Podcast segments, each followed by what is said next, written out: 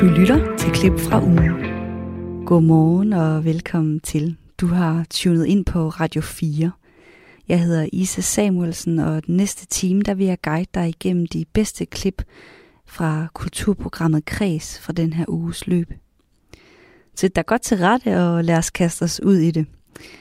Vi starter med at dykke ned i et tema, der handler om indlæggelser i psykiatrien, og hvordan de bliver beskrevet i litteraturen.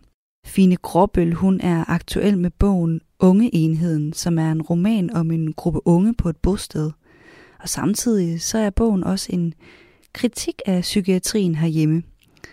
Astrid Strib Date, hun talte tidligere på ugen med Fine Gråbøl om, hvorfor hun egentlig gik i gang med at skrive den her roman. Jeg tror, jeg følte, at øh, det her rum, som de unge beboere øh, bor i, altså det her bosted, øhm, er ikke noget, der er beskrevet så meget i litteraturen. Øh, du nævnte selv i indledningen det med, at indlæggelser øh, er, er beskrevet en del i forskellige skønlitteratur, men vi møder ofte indlæggelserne på hospitalet. Altså ofte er de her fortællinger om psykiatrien skrevet ud fra øh, hospitalet og indlæggelsen som sted. Øhm, og jeg var snarere interesseret i at, at skrive det her rum frem, som jeg synes er meget særligt bostedet. De befinder sig altså i socialpsykiatrien, hvor at der jo ikke er den her hurtig ind, hurtig ud fornemmelse, som der er på hospitalet, men det er mere sådan langstrakt tidshorisont. De skal ligesom øve sig i eller lære at leve sådan en såkaldt, et såkaldt almindeligt liv, have en form for almindelig hverdag sammen. Og vi skal høre, ja, hvordan du så beskriver øh, det her med indlæggelser i psykiatrien i din bog. Vil du sætte nogle ord på hovedpersonen? Hvem er hun, og hvorfor, øh, hvorfor har hun ikke noget navn? Øhm, ja, altså øh, hovedpersonen i bogen, eller hvad kan man sige, fortælleren i bogen, er, er det her jeg, øh, som ikke har noget navn, heller ikke har nogen familie, man hører noget om, heller ikke har nogen venner, man hører noget om, altså ligesom ikke har noget, nogen sådan, hvad kan man sige, der er ikke noget liv uden for bostedet. Øh, samtidig så har hun heller ikke erindring om andet end hospitalet. Der er sådan en gang imellem øh, sådan nogle erindringsspor tilbage til nogle hospitalsindlæggelser, men ellers så begrænser hendes erindring sig simpelthen til det. Hun er på en måde sådan historieløs, på en måde sådan en, en lidt svævende karakter uden bund eller sådan fundament. Og, øhm, og det var sådan en fortællerposition, jeg synes kunne være spændende at skrive frem i romanen, som ligesom stiller sig sådan et lidt øh, åbent sted. Altså, øhm, og det er herfra, at fortællingen så udgår. Og det er her, at hun så ligesom kan nå ind til de andre karakterer i bogen, altså de andre beboere, og ligesom øhm, derigennem vil jeg gerne forsøge at skrive et fællesskab frem. Øh, derudover så vil jeg også gerne prøve at skrive en erfaring frem af at blive gjort patient eller af at blive gjort til diagnose.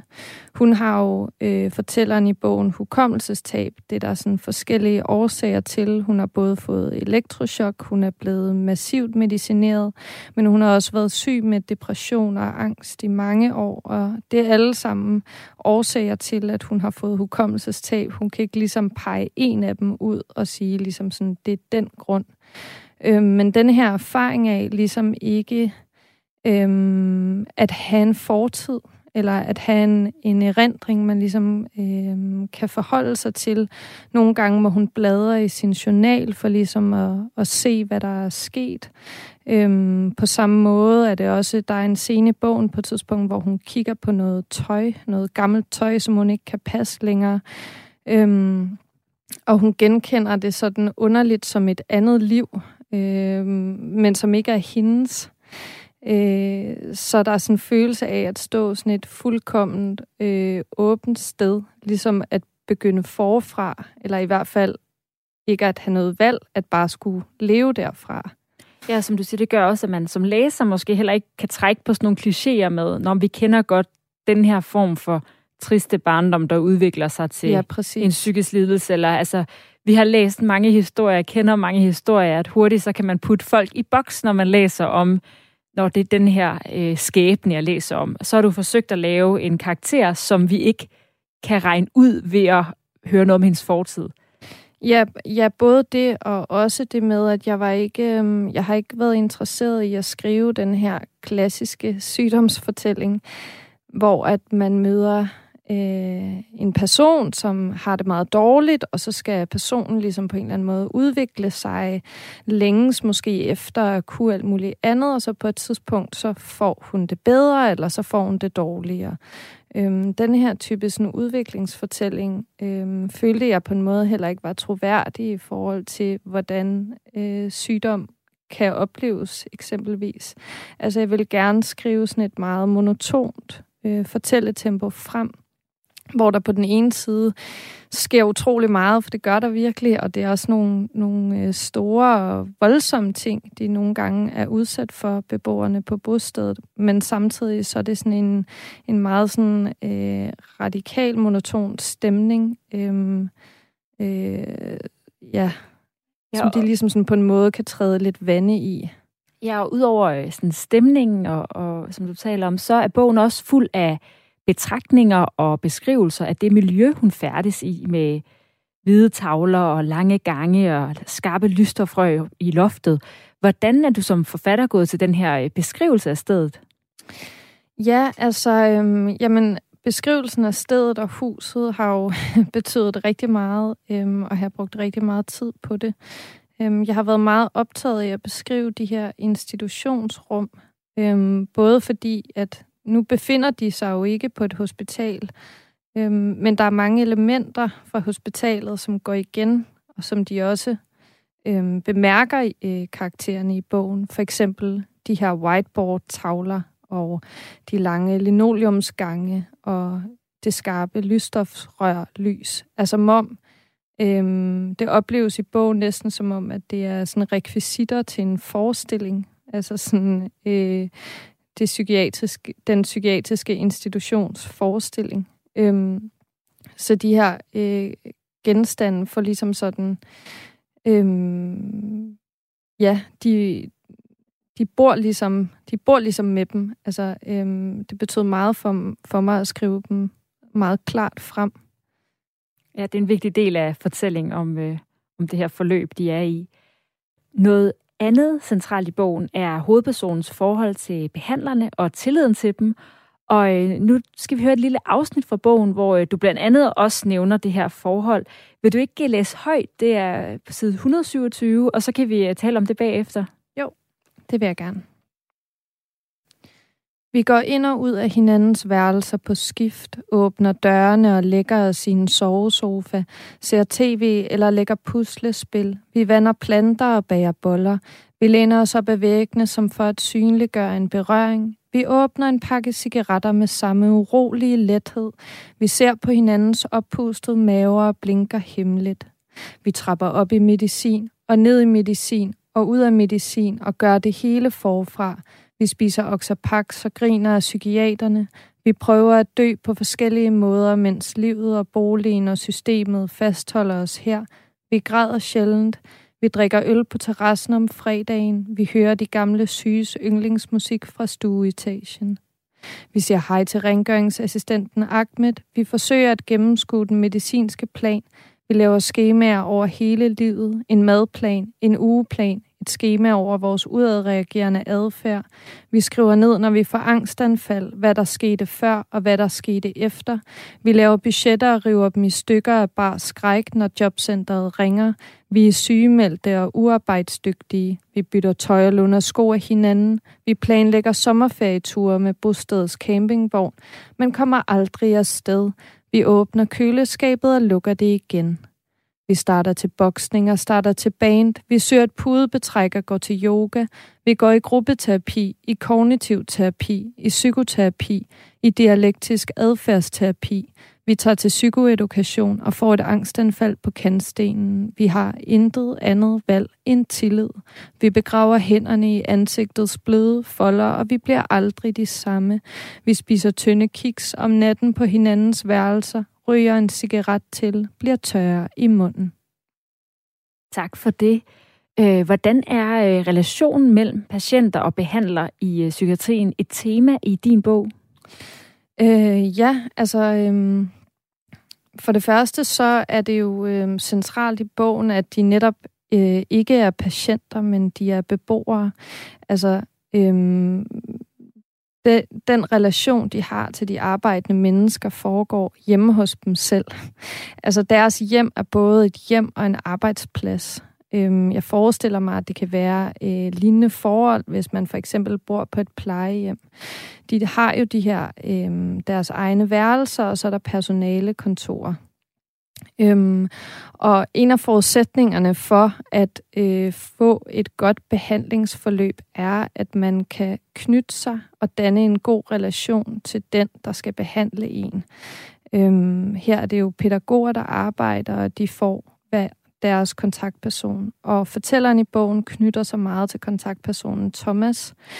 Øhm, men der er meget skam også forbundet med den relation. Hun kræver meget. Måske er hun også en besværlig øh, beboer at behandle. Måske ringer hun på nogle dårlige tidspunkter. Måske har hun svært ved øh, den grænse, der ligesom er nødt til at være i deres forhold. Altså, at der er en, der får løn for at være sammen og, øh, eller at være i den relation, og der er en, der ikke gør. Øh, og det, der er, er udfordringen i den relation, er jo selvfølgelig også, at, at når det er et arbejde, så er det klart, at så kan der jo ske nogle ting, hvor at man er nødt til at stoppe med det arbejde, man er nødt til at få et andet, eller det kan være, at man stopper, fordi der er dårlige arbejdsvilkår. Men hvad stiller beboeren så op med den sorg, det kan være at sige farvel til en kontaktperson, som man måske har brugt lang tid og meget energi på at opbygge et godt forhold til. Den sorg er der ligesom ikke plads til i systemet. Øhm, fordi at øh, det skal jo, altså de er jo ikke venner, eller de er jo ikke i familie, eller de er jo ikke på den måde øh, tætte, som en, sådan, man kan være med en ven. Så hun må bare acceptere det og ligesom begynde forfra at knytte sig til en anden. Altså du peger på nogle problemer, der kan være, når unge, sårbare mennesker, som karakteren i din bog, bliver øh, afhængige eller meget tætte med deres behandlere. Men er det ikke også lidt du ved, i virkeligheden et vilkår i den her behandling, man ikke rigtig kan altså, gøre noget ved? Jo, men det er jo netop det, det jeg siger, at, at øh, det er et vilkår for deres relation. Men, men på den anden side, så kræver behandlingen, at de knytter sig. Altså, de har ikke noget at stille op. Jeg tror, at man som, nu har jeg jo ikke selv arbejdet som pædagog, men jeg forestiller mig, at når man begynder som behandler for unge øhm, psykiatriske patienter, at man så ligesom lærer sig på en eller anden måde nogle færdigheder til at kunne øh, håndtere ligesom de her former for relationer. Ikke? At man ikke skal tage arbejdet med hjem, og man skal passe på med ligesom, hvor meget man deler af sit eget liv, og man kan holde en eller anden form for grænse, fordi det er en arbejdsrelation. Men den ekstra overvejelse er der jo ikke over for beboeren. Altså, den er der jo ikke over for patienterne. Det bliver ikke i talesat. Sådan lød det fra Fine Gråbøl, der er aktuel med bogen Unge Enheden. Store dele af kulturlivet er åbnet op igen, og det er dejligt. Men museerne de klager over lave besøgstal, og også caféer og spisesteder mener, at de godt kunne bruge nogle flere betalende gæster – Køerne til testcentrene, de er til gengæld blevet rigtig, rigtig lange. Måske har du selv prøvet at stå i kø halvanden times tid en torsdag eftermiddag, så du kunne få lov til at lave noget sjov på en lørdag. Min kollega Lene Grønborg, hun gik tidligere på ugen ud for at finde ud af, hvad det egentlig var, alle de mange mennesker i køen, de skulle bruge deres coronatest til.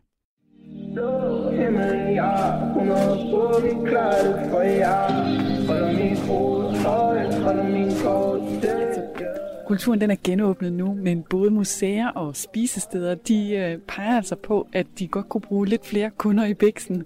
Og samtidig så melder de forskellige teststeder om utrolig lange køer. Så nu er jeg taget herop til Nobelparken i det nordlige Aarhus for at tage en snak med dem, der står i den her testkø, og for at finde ud af, hvad folk så egentlig bruger deres coronapas til, hvis de ikke bruger dem på kultur. Himmel, ja klarer det for jer Holder mit hoved højt, holder min gård tæt, yeah.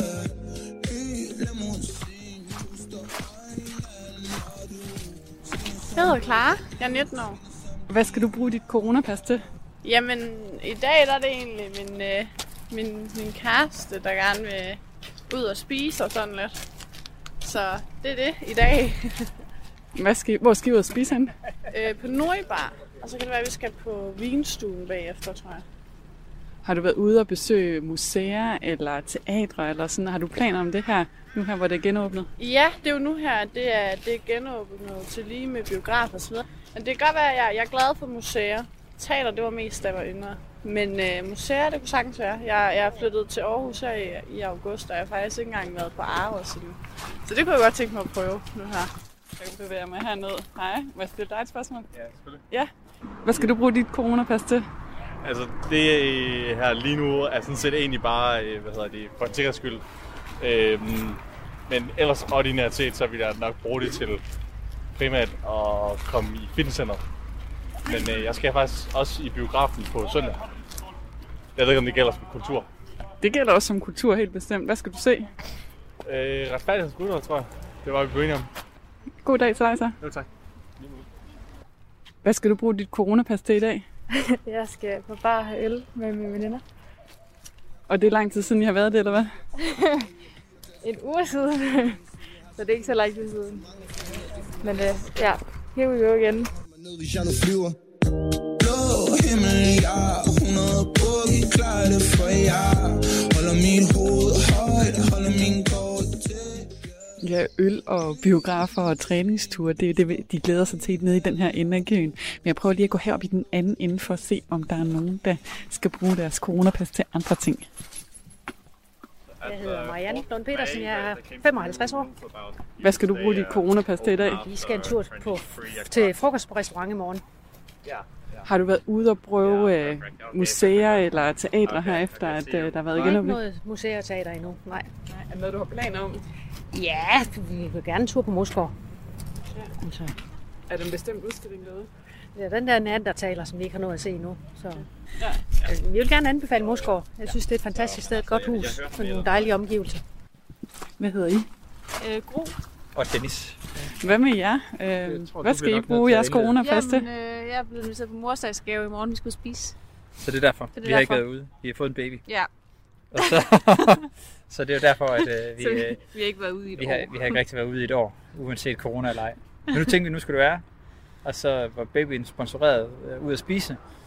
Og dermed arrangeret corona-pas. Og tager vi testen nu. Og så tager vi ud og spiser i morgen. Men ellers har jeg faktisk ikke rigtig været ude. Sådan Nej. rigtig overhovedet. Nej. Øh, du har været på varsel. Ja. ja. Jeg, jeg arbejder i sundhedsvæsenet, så det er altid sådan lidt, der er sådan lidt 50-50 altid. Ja. ja. Men øh, der, altså, vi har, har vi overhovedet været ude ellers? Nej. Og så og tænker på det? Vi har været hjemme med min mor. Altså, det kan ikke rigtig beskrive sig ud, skat. Det er jo sådan noget. Ej, det har det er mere, Det er mere pligt end frihed. mig ned, hvis jeg nu flyver. Blå himmel, ja, 100 bugge, klar det for jer. Holder mit hoved højt, holder min kort til. Det har vi ikke, har vi. Jeg sidder og tænker på, om vi overhovedet har lavet et eller andet, hvor vi har Til jul? Nej. Nej, det var Nej. mere sådan. Vi har ikke lavet noget med det. Nej. Nul. Ej, hvor er det depressivt. Det, vi, øh, vi glæder os bare til at komme ud og spise morgen. Ja. Det tror jeg, det er sådan hovedbeskeden.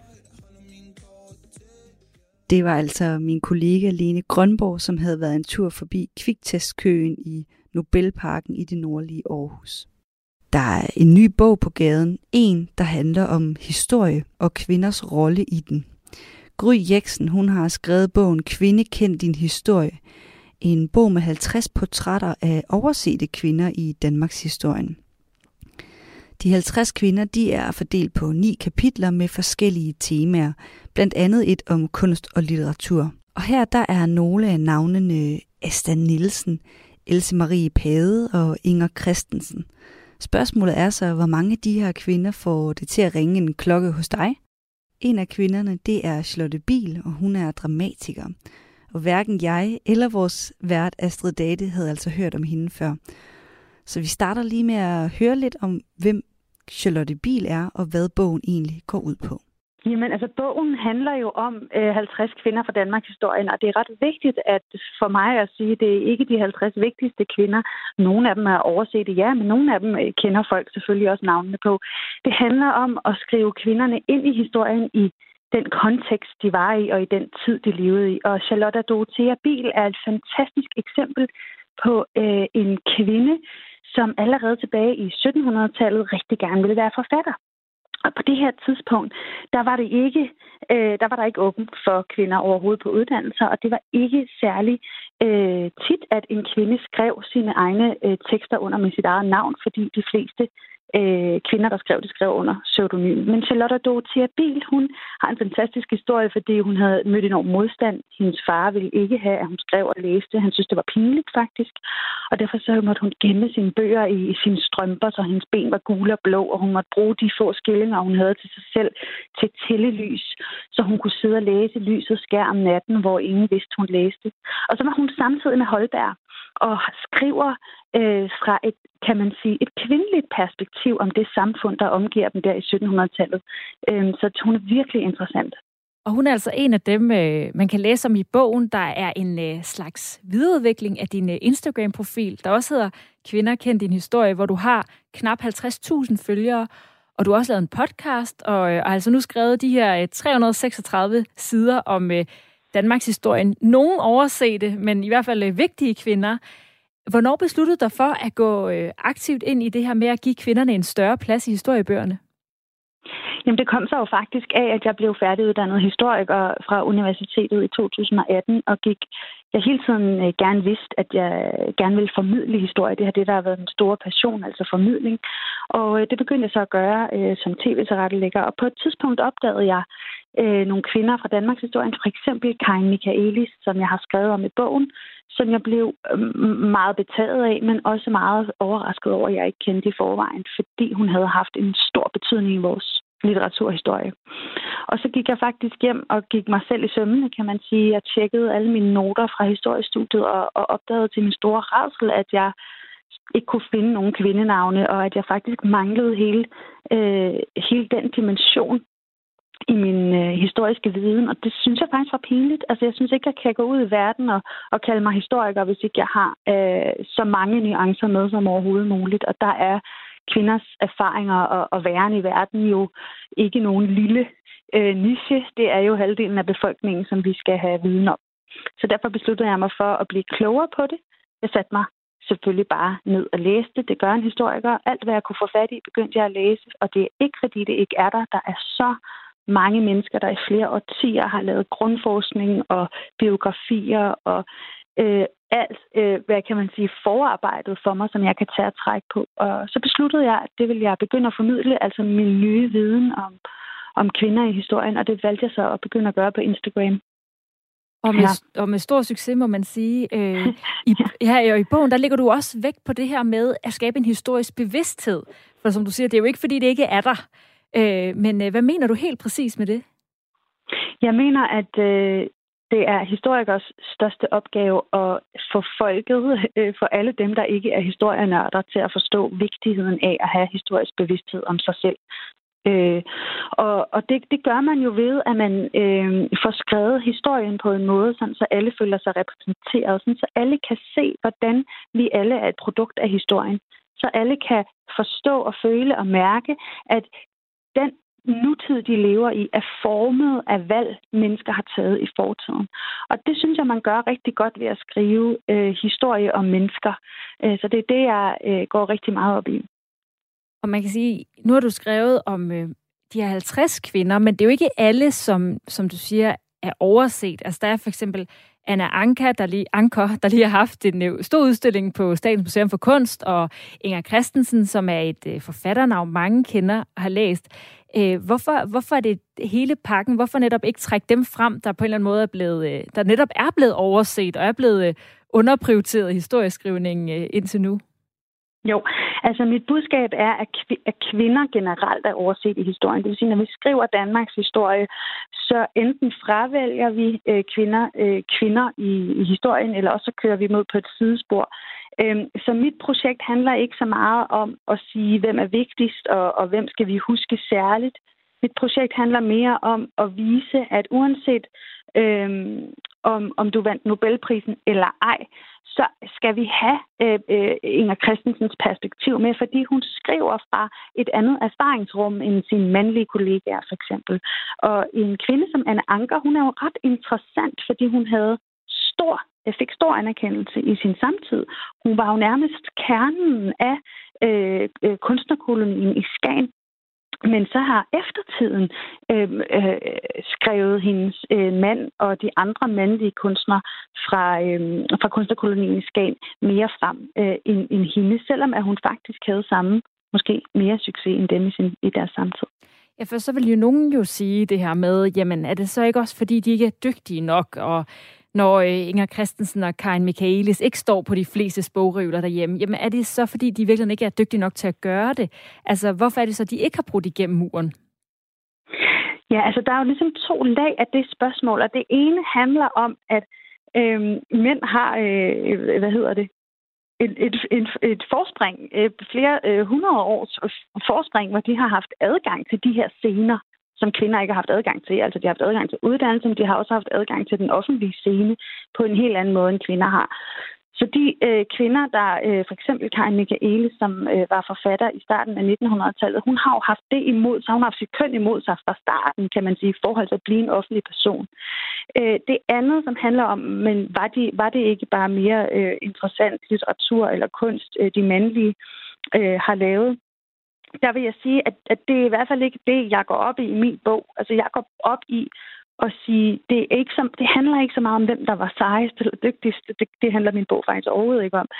For mig handler historisk bevidsthed om, kan vi få så mange nuancer med som overhovedet muligt? Og der må vi bare anerkende, at øh, øh, kvinder har haft andre udgangspunkter og dermed også andre perspektiver at skabe ud fra. Og det er da utrolig vigtigt, at vi får øh, rum til det i vores Danmarks historie. Og ud fra øh, opmærksomheden på din Instagram-profil og din podcast, så kunne jeg forestille mig, at øh, du også har fået mange reaktioner nu, hvor der også er kommet en bog. Men øh, hvilken effekt håber du, at din bog kommer til at have? Ja, altså det er, øhm, jeg er jo sindssygt glad for den opmærksomhed, bogen har fået, og øh, jeg har virkelig, virkelig forsøgt at skrive en bog, hvor jeg håber, at alle føler sig velkomne ind i den. Altså skrive i et sprog, som, er, øh, som byder alle velkomne. Og så har jeg jo også valgt, at Tit Turing har gennemillustreret hele bogen, så den også bliver rigtig øh, underholdende og lækker at sidde med i hånden. Øh, sådan så det bliver på en måde en helhedsoplevelse. Og så håber jeg rigtig, rigtig meget, at det, jeg kan sætte i gang, inde i læseren, det er en følelse af at være en del af historien. En følelse af at være en del af noget større og, øhm, og blive klogere på, øhm, hvad det er, der har formet os. Det sagde Gry Jeksen, forfatteren til Kvinde kendt din historie, som er udkommet i denne uge. Sent mandag aften, der kom det frem, at digterpræsten Johannes Møllehave er død. 84 år gammel. Det er ikke mange præster, der er på fornavn med hele Danmark, men Johannes Møllehave, han var en af dem. Blandt andet på grund af sin evne til at tale i punchlines og for sin evne til nærmest at kunne citere hele romaner frit fra hukommelsen. Astrid Strid Date, hun talte med sovnepræst i St. Johannes Kirke på Nørrebro i København, hun hedder Marie Dam, om Johannes Møllehaves betydning for folkekirken i Danmark. Mm, jamen, jeg tror jo, altså egentlig vil jeg jo også sige, at jeg mm, tænkte meget over det også, at, at Johannes Møllehave var jo nok den første, det er sådan et grimt ord, men den første kendispræst, eller mm, på et andet måde. Han var hele Danmarks præst.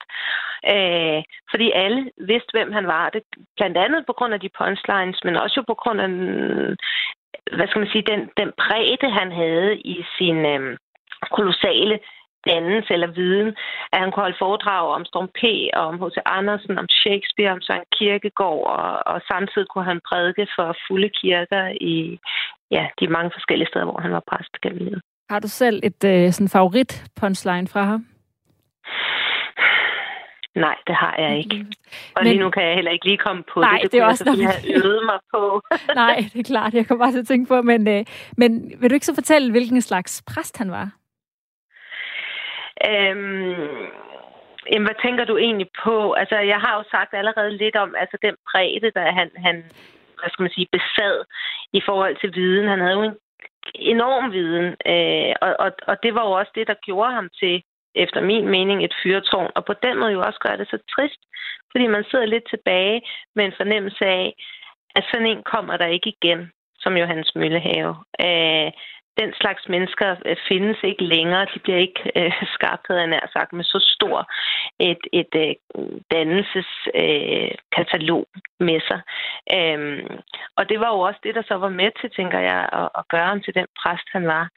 Øh, Men der er jo også forskellige så sådan, han... grene, tænker jeg, i, øh, altså, inden for øh, kirken, ikke? Altså, hvad er det for en... Ja, jeg prøver, jeg prøver at slippe udenom at no. sætte et prædikat på ham. Ja, okay. Det altså, kan man ikke, eller hvad? Jo, men det er altså, altså, helt ærligt, så sprængte Johannes Møllehave jo prædikaterne. Altså, og, og det var det, der gjorde ham fantastisk, og jo også det, der var med til at kunne gøre ham til hele Danmarks præst. Det er også et prædikat. Men altså, jeg, jeg er ikke i tvivl om, at han har haft sympati for det, øh, det, det tidlige tideværv. Øh, hvis jeg skulle sige noget, ville jeg jo nok kalde ham for grundvigianer. Øh, men samtidig var det jo også, han var også kirkegårdianer, hvis der er noget, der hedder det. Øh, så jeg synes jo, det, der gjorde ham stor, var, at han i virkeligheden havde lidt af det hele, om meget mere. Ja. Og for eksempel med grundvidianer, hvad, hvad kendetegner det? Du snakker også lidt om den der dannelse, det er i hvert fald det, jeg selv tænker, eller sådan, ja, at det er ja, en del af. Og, men også en dannelse, altså, og en folkelighed. Øh, altså, og jeg læste en eller anden her i forbindelse med hans død, der skrev, at Johannes Mølle havde jo aldrig talt ned til folk. Øhm, og det forestiller jeg mig har galt både i forhold til, til foredrags, øh, men også som, som præst, altså når han forkyndte for prædikestolen. Øhm, altså så folkeligheden og det at gøre, og det at gøre altså at inddrage andre, altså dele sin viden med andre. Det tror jeg øh, er noget af det, som, som kendetegnede ham øh, og, og, og dermed også gjorde ham til en folkelig grundvigiansk præst. Og har han også haft øh, betydning, øh, Møllehave, for sådan din generation af præster? Ja, det tror jeg helt sikkert, han har. Øh, nu er jeg sådan cirka øh, halv så gammel øh, som ham, men, men, øh, og, og, men jeg har, tror jeg, mere eller mindre øh, alle hans prædikensamlinger. Det er jo primært som præst, øh, han har, har, hvad skal man sige, inspireret mig, det vil sige hans prædikensamlinger. Øh, men igen, som jeg lige så har diskuteret, kan man skille det ad, hvornår var han præst, hvornår var han øh, noget andet. Fordi i virkeligheden var han jo for mig at se altid præst og teolog. Men, men selvfølgelig har han det. Også hans måde at inddrage alle de her andre, øh, hvad skal man sige, altså, så jeg inddrage H.C. Andersen, Storm P., alle de film, litteratur i sine prædikner. Det er jeg helt ikke, altså det er jeg ret sikker på, at, at han er en af dem, der, der startede med. Altså, det er også noget af det, du vil huske ham for. Øh, det her med at ikke at se ned på folk, eller, eller hvad? Jeg tror, jeg vil huske ham som en, en ret fantastisk prædikant. Øh, og så tror jeg jo egentlig også, jeg vil huske ham på altså, som et levende og et stort menneske, og underholdende og sjov og, og lidt skør. Og, ja. Så et stort menneske på alle måder. Kan der godt komme en møllehave igen? Nej, jeg har jeg indledt jo næsten med at sige, at det er det, der jeg synes gør, at det er trist. For det tror jeg faktisk ikke, nej. Hvorfor ikke? Øhm, fordi jeg tror simpelthen ikke, at, at der er nogen, der bliver dannet på den måde. Altså, og, og også en helt klassisk dannet i forhold til, hvem, hvem læser, og hvem, hvem kan Shakespeares forfatterskab udenad? Og jo samtidig også H.C. Andersen, Dostojevski, Søren Kierkegaard. Altså hele Bibelen, som han har genfortalt for jeg ved ikke, hvor mange børn i Danmark.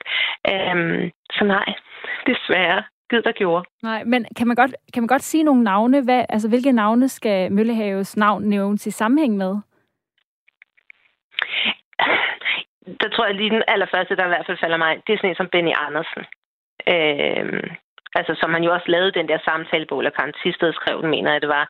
Øhm, det, det skal mærkes, vi lever. Altså, den, den tror jeg også, altså, at i den grad var med til at, at, at gøre Johannes Møllehave kendt, ligesom Benny Andersen var det. Så de to, tror jeg, i de senere år. Anne Linnet er jo også en, der er blevet forbundet med om de senere år, øh, for han har jo også skrevet en del salmer, øh, som bliver sunget i kirkerne, men også nogle af de sange, som Anne Linnet tager rundt og synger til jul. Det er også Johannes Møllehave, der har skrevet dem. Hvordan, hvordan bruger du Møllehave i dag? Det er egentlig nok som til inspiration. Altså, så, så øh, jeg vil sige det sådan, øh, de gange jeg har læst noget Møllehave, så, så at jeg tror aldrig, det er sket, at jeg ikke har taget en note. Altså, at, at jeg har skrevet noget ned, der var noget, der var vigtigt, jeg lige skulle huske. Og det kan så have været et citat, øh, eller, eller, og så er jeg også ret sikker på, at jeg altid har grinet ret meget. Og ja, fordi jeg tænkte det her med også, hvordan, øh, hvordan kommer vi sådan til at huske ham, tror du?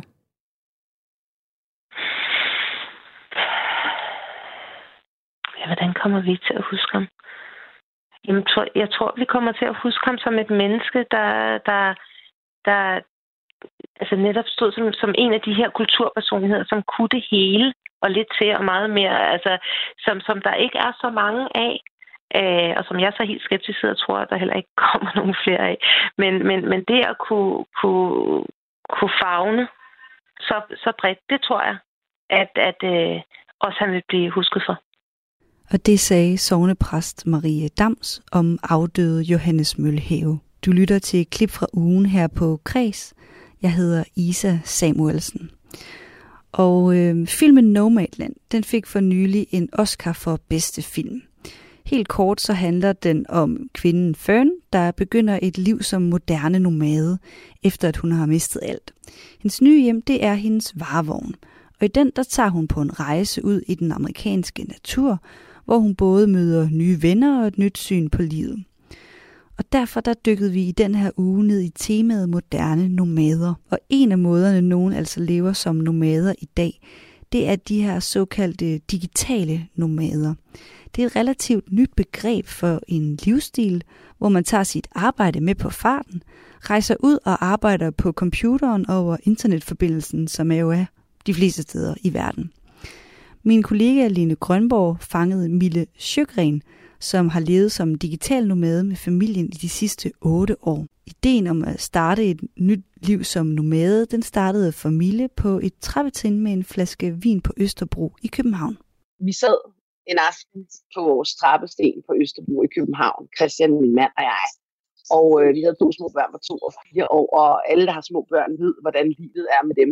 Det er selvfølgelig øh, fantastisk, men det er også skide hårdt. Og øh, vi havde lige været en tur på Bali, hvor vi for første gang nogensinde, det der var i 2012, havde taget vores arbejde med, og vi havde været derude i en måned. Og øh, jeg var freelancer på fire år, og Christian var lige blevet det. Øh, han er videnskabsjournalist og havde fået en kunde. Så vi sad derude og arbejdede lidt frem, mens vi sådan, øh, ja, rejste rundt og hyggede os med ungerne. Det blev selvfølgelig ikke så meget. Men da vi kom hjem derfra, der sad vi så på den her sådan, trappesten, og så snakkede vi lidt om livet og om vores ambitioner for livet, og hvad det var, vi egentlig gerne ville have ud af livet.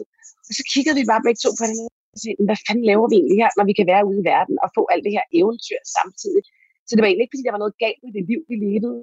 Vi havde bare lyst til noget mere. Vi havde lyst til mere eventyr. Og så tog vi simpelthen en beslutning over tre flasker rødvin øh, en aften på Østerbro i København, på grund af vores lejlighed, øh, om at øh, vi skulle tage til udlandet og bo i 10 måneder.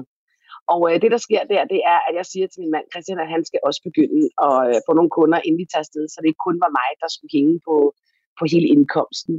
Og øh, tre måneder senere, der, øh, der flyver vi faktisk til den iberiske halvø i Spanien, hvor vi har lejet et hus og øh, skal bo i 10 måneder. Og det lyder jo både spændende og også lidt angstprovokerende. Så hvordan gik den første tid for jer som digitale nomader? Den første tid gik fantastisk. Altså, jeg havde selvfølgelig mange bekymringer ved at tage afsted, fordi jeg er voiceover-artist, og det vil sige, at mine kunder er primært i København i studierne. Men jeg havde forberedt dem godt, og jeg havde bygget et studie dernede. Og, øh, og i forhold til at komme derned og være, jamen altså, så går det jo som det går. Ingen af os talte spansk, og, øh, og det var da skide svært at finde sig til rette, og børnene skulle ind i en spansk uh, slash international øh, skole. De starter jo tidligt som preschool dernede.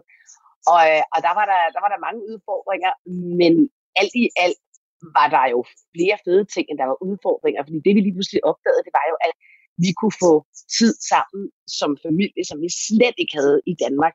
Altså det føltes lidt som om, at man, man tog ud for at være sammen med sin familie. Så den tid, vi fik der, var fuldstændig magisk, og det forandrede os simpelthen som familie. Og jeg kan jo også allerede afsløre nu i interviewet, at der gik ikke 10 måneder, før vi kom tilbage på dansk jord igen. Der gik faktisk 6 år, hvor vi kom tilbage på dansk jord igen. Og i den mellemliggende periode har vi så rejst hele verden rundt og boet i Spanien i en lang årrække. Så det var ligesom startskuddet. Det lyder til, at det fungerer, øh, men I har jo også børn med på de her rejser, så hvordan fungerer det i forhold til skolegang for eksempel? Ja, det er meget forskelligt. Altså, de har faktisk prøvet det hele, så de har gået i en international skole i Spanien, når vi har boet der. Og så har vi selv undervist dem, når vi har været på farten, men vi har også, når vi har været på de her længere ture, som vi også er lige nu, øh, så har vi simpelthen underviser på øh, online. Og første gang havde de Miss Poole, som vi kendte fra Spanien af. Hun underviste dem hele vejen rundt om jorden, og det var fantastisk. Og vi har prioriteret kun at lade dem undervise i, altså på det andet tidspunkt, literacy og matematik, fordi resten lærer de ligesom af verden. Og de taler også tre sprog øh, flydende. Så vi havde det sådan, den kultur og de ting, de får ind ellers af historie og så videre, det behøver vi ikke at undervise dem i. Nu er min ældste søn jo lige ved at blive 14 her i den her måned, og øh, nu kræver det jo lidt nogle andre ting, vil sige. Og, øh, og den her gang er vi så væk. I, altså, jeg skal lige sige, at vi faktisk flyttede til Danmark for lidt over to år siden, og de begynder at få danske venner. Og øh, nu er vi taget afsted i seks måneder denne her gang, og der har de så også en, en lærer på lige nu. Men altså faktisk er de blevet undervist af skolen på grund af corona. Så det har været ret fint, at de har kunne følge, følge curriculum der. Ikke? Så lige nu så er jeres hverdag sådan, at I både rejser rigtig meget, men I også har hjemme en gang imellem. Hvordan fungerer det? Jamen altså, det er egentlig ikke specielt meget anderledes, end, end det hele tiden har været. Altså, vi har både en fast base i Danmark, og det er selvfølgelig for børnenes skyld. Øh, de har været udlandsdanskere længe, og øh, de har mange dejlige, fantastiske venner i hele verden.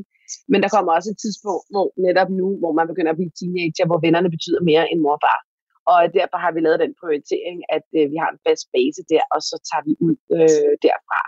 Og man kan sige, er det nemt? Nej, det er det overhovedet ikke. Men det er overhovedet heller ikke nemt at være digital med. Det er totalt hårdt og op ad bakke til tider og udfordringer, og ingen dage er ens, og, og hvad kan man sige, the uncertainty, øh, altså hver dag er, er en ny ting, man ikke ved, hvad fanden man begiver sig ud i. Så det er ikke et nemt liv, men det er til gengæld et meget berigende liv. Sagde Mille Sjøgren, digital nomade, og hermed over en internetforbindelse fra Puerto Rico. Og corona har betydet rigtig meget for vores liv de sidste år. Og også for Mille Sjøgren har corona haft en stor betydning for, hvordan hun kan leve som nomade. Det har selvfølgelig også påvirket vores liv som digital nomader, og vi har øh, da også måtte aflyse tonsvis af ting i her det seneste halvandet år. Men jeg tror også, at vi lever klart med en, øh, vi, vi lever ikke i et frygtsom verden. Altså både min mand og jeg er, lever ikke øh, med den, på den måde, at vi er bange for ting. Og jeg er heller ikke bange for corona. Jeg tager hensyn til corona. Vi gør alt for ikke at blive smittet eller at smitte andre, også når vi rejser. Men vi har taget beslutninger om, at vi godt kan være i verden alligevel, og vi insisterer på, at det kan godt lade sig gøre. Jeg vil så lige have lov til at sige, at øh, min mand han er jo videnskabsjournalist og taler dagligt med eksperter fra hele verden om corona, og har skrevet over 300 artikler i den her tid, så vi er ret godt velinformeret omkring det. Øhm, og samtidig så har vi faktisk også fået vaccinen. Vi er begge to vaccineret nu, fordi det lykkedes os simpelthen at blive, da vi var ude i verden øh, i USA. Og, øh, og, og det der med at rejse, er man jo faktisk ret isoleret, for vi ser ingen venner, og vi ser ingen familie. Så på den måde synes jeg, at, øh, at vi, har, vi har passet ret godt på os selv i den her periode. Men det er klart, at verden er ikke åben alle steder, så der er mange steder, vi ikke kan rejse til. Og det vil sige, at vi bliver nødt til at rejse derhen, hvor verden er åben. åben. Og det kan jo være på en måde også et meget fedt eventyr at sige, jamen så er det det, vi gør. Vi havde måske ikke lige valgt at rejse til Puerto Rico øh, i Karibien, hvis det havde været andre muligheder. Men det var der ikke lige nu. Og hvad er så de største udfordringer ved at være digital nomade? Jamen, der er jo ikke andet end udfordringer. altså, øh, det, det, jeg ved godt, at rigtig mange ser jo på det der med at være digital nomader, som at man sidder på en bounty-strand øh, med en, med en, øh, med en uh, drink i hånden og nyder livet og surfer. Og det er det også, og der er masser af de oplevelser, og heldigvis er de der, fordi ellers var der absolut ingen, der ville kunne holde ud og leve som digital nomade. Men man kan sige, at udfordringerne er jo, som jeg også er lidt inde på, det der med, at jamen, altså, hver dag er sgu en ny dag, ikke? Og, og du ved ikke rigtigt, hvad den her dag den byder på. Du skal hele tiden arrangere, hvor du skal bo, hvis du, hvis du flytter dig meget rundt. Så er der faktisk rigtig meget praktik i det. Mange digitale nomader bliver selvfølgelig i en længere periode det samme sted. Øh, der er også udfordringer nu her omkring corona med fly, der bliver aflyst, øh, ting man skal være opmærksom på i forhold til sine sundhedspapirer, sine QR-koder, når man rejser osv alle lande har forskellige, og alle stater jo også i USA har forskellige øh, regelsæt, man skal følge. Så er der rigtig meget praktik at skulle sætte sig ind i. så er udfordringen også internet. Øh, den er svingende i verden, det er den bare. Selv i USA, hvor jeg lige har rejst i to måneder i en vane. Altså lige så snart du kommer uden for byerne, så er der bare ingen dækning. Og hvis man godt kan lide at gå, altså gå lidt uden for, altså man kan man sige lidt remote, gå lidt dybt ned, øh, så er der bare ikke internet. Og det er jo enormt svært, når man arbejder som jeg. Øh, både hvor jeg har Mille Speak, som er mit, øh, altså der hvor jeg laver voiceover, men så har jeg også en anden business, der hedder Free Living, som faktisk er for digitale nomader. Og der har jeg to partnere, som jeg faktisk skal holde møder med ret ofte, og virkelig tit er internettet bare ringe. Og det er så frustrerende altså. Så, øh, så, så det, kan, det, det er helt klart en ting, som er udfordrende øh, ved at være digital nomad. Og så selvfølgelig, når man så også har sine børn med, så er der jo mange ting der også, man hele tiden skal tage hensyn til. Vi er fire individuelle mennesker med fire behov, øh, og vi lever tit og ofte sammen på få kvadratmeter, og der skal alle sammen sidde og arbejde og gå i skole, og så skal vi selvfølgelig på eventyr bagefter. Så der er både følelserne og det praktiske i det, at være på farten, som kan være, kan være udfordrende. Og sidst men ikke mindst, så er der også naturkatastrofer, man lige skal navigere udenom en gang imellem. Altså vi har der været både i jordskæld og øh, træer, der falder ned i bungalows, og hvad ved jeg, heldigvis ikke i den her omgang. Øh, men jeg har da været meget tæt på en tornado, vil jeg sige. Så, øh, så sådan nogle ting er der også noget, man lige skal tage højde for, når det er, man rejser ud. Og nu lyder det som om, det er bare helt forfærdeligt. Det er også mega fedt. Ja, så der er jo både de her positive og negative ting forbundet med at være digital nomade. Og som du lige nævnte, så lever du jo egentlig også delvist af at rådgive andre i, hvordan man kan få et andet blik på sit eget liv, og måske selv starte med at blive digital nomade. Så hvis der sidder nogen og lytter med, som tænker, at det her kunne måske godt være noget for mig, men jeg ved ikke helt, hvordan jeg skal komme i gang, hvilket råd vil du så give dem? Jamen altså, først og fremmest, det, det, det er skide svært at give råd, fordi vi er jo alle sammen meget individuelle, men først og fremmest, så vil jeg da begynde at afsøge, hvordan kan jeg leve af at være digital med? Altså, hvad er det, jeg kan lave? Hvad kan jeg blive, basically? Ikke? Altså det der med at finde ud af, hvad det er for nogle kompetencer, man egentlig har, og er det noget, man kan lave online? Fordi uden en digital forretning, så er det lidt svært at, at leve som digital med. Så det vil være det første skridt. Og det andet skridt, det er så også at se, om man ikke kan skille sig af med nogle af sine øh, materielle ting. Fordi alle de ting, vi har, binder os jo til steder, der gør, at vi har svært ved at øh, rejse ud. Og så et af de ting, som jeg også tænker, som jeg i hvert fald selv har lært øh, her i de her øh, ni år, jeg har levet som digital med, det er, altså du kan faktisk ikke rigtig forudse, hvad det er, der kommer til at ske. Så det der med bekymringerne, som man kan have omkring, åh, hvad nu hvis, og hvad hvis det ikke går, og hvis jeg kan få det til at køre, hvad med mine kunder osv., jamen, det kommer alligevel aldrig til at gå sådan der, som du forestiller sig. Så der er ingen, egentlig ingen grund til bekymring. Der er grund til handling, og der er grund til at sætte en dato af, hvis man gerne vil afsted og leve som digital nomade. Og det er et ekstremt berigende liv. Det lyder det til, og jeg skal heller ikke holde mere på dig, fordi jeg ved, at øh, du og familien igen på vej ud på en tur. Hvor er det, I skal hen i dag? Ja, vi skal nemlig ind i uh, junglen, uh, hvor vi har lejet et hus her midt inde i Puerto Rico, hvor vi skal ud og hike og vandre.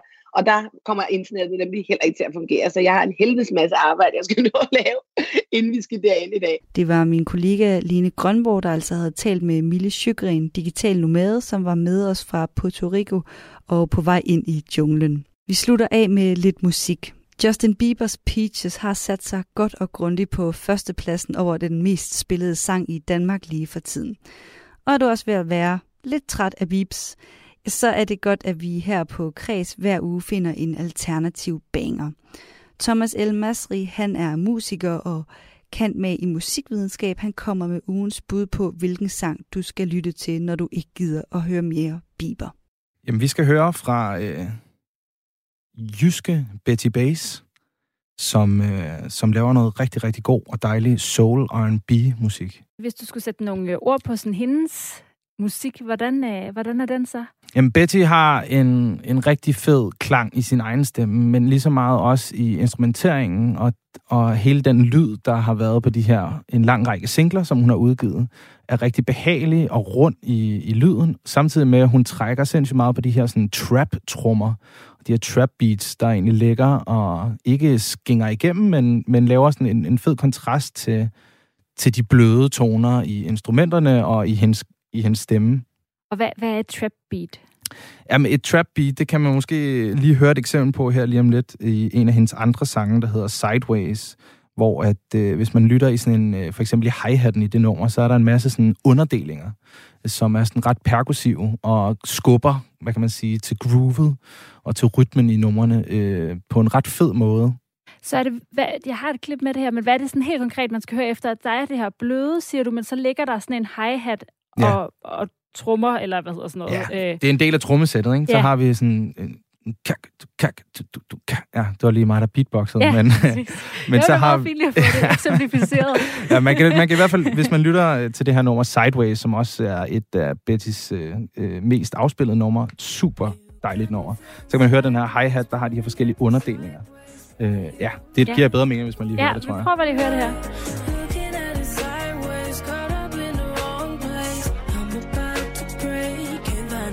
Lige præcis. Så vi har de der eller åben hi-hat, som man også bruger.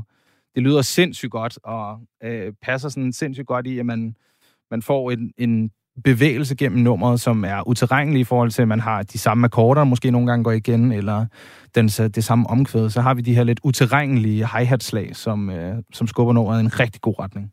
Jeg synes også, det giver det sådan lidt energi, ikke? I forhold til, at det er sådan lidt blødt, så får det sådan lidt tempo på en eller anden måde, der ligesom er sådan, vi skal frem Lige præcis, sangen. lige præcis. Og det er, også, øh, det er jo også den nye sådan, lyd, at man har de her i poppens verden og i R&B'ens verden, så har man de der underdelinger i hi-hatten, der gerne skal være lidt skæve og være lidt mærkelige, som egentlig giver lige præcis, som du siger, sådan en, en, en fed vibe og et punch frem i sangen. Og det har hun altså jeg samlet op i sin musik, og øh, selvom man måske ikke kender Betty Bass eller Bass, øh, så kender man nok øh, en anden dansk kvindelig artist, hun har sunget kor for. Hvem er, hvem er det?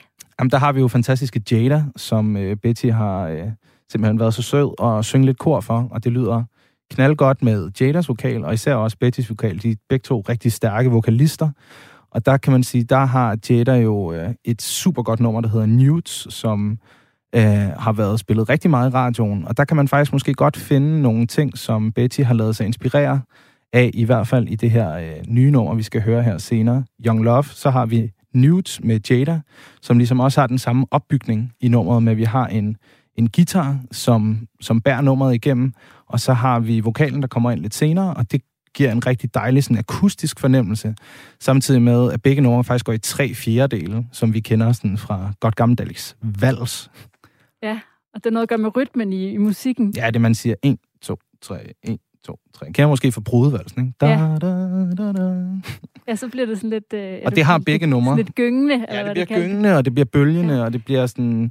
Det bliver også behageligt. Jeg har også et klip fra Nudes. Det er så godt nok ikke helt fra starten, så man kan ikke høre den der intro guitar, men vi kan lige prøve at høre, om vi kan fornemme den der bølgende, bølgende bevægelse i musikken. When I saw the names on your phone, now I know you never sleep alone. I need too much attention for that. Gave all I got to someone who did not. I think you forgot. Ja, det er et dejligt nummer. Ja, og hvad er det så øh, for et nummer, vi skal høre af Betty Bass?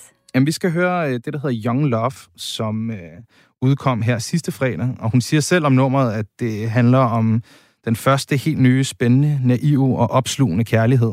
Øhm, og det gør øh, så rigtig flot i det her tekstunivers med, at man drømmer sig tilbage til sit teenageværelse og har ondt i maven over, hvor forelsket man er. Samtidig med, at der er bare noget helt fantastisk ved Bettys klang, som jeg glæder mig til at høre rigtig, rigtig meget af senere. Desværre er nummeret kun 2 minutter og 22 sekunder, men det er også et øh, godt radiotræk, så har man lyst til at spille det igen, lige når man er blevet færdig med det, for man har faktisk ikke helt fået nok af at høre det her nummer.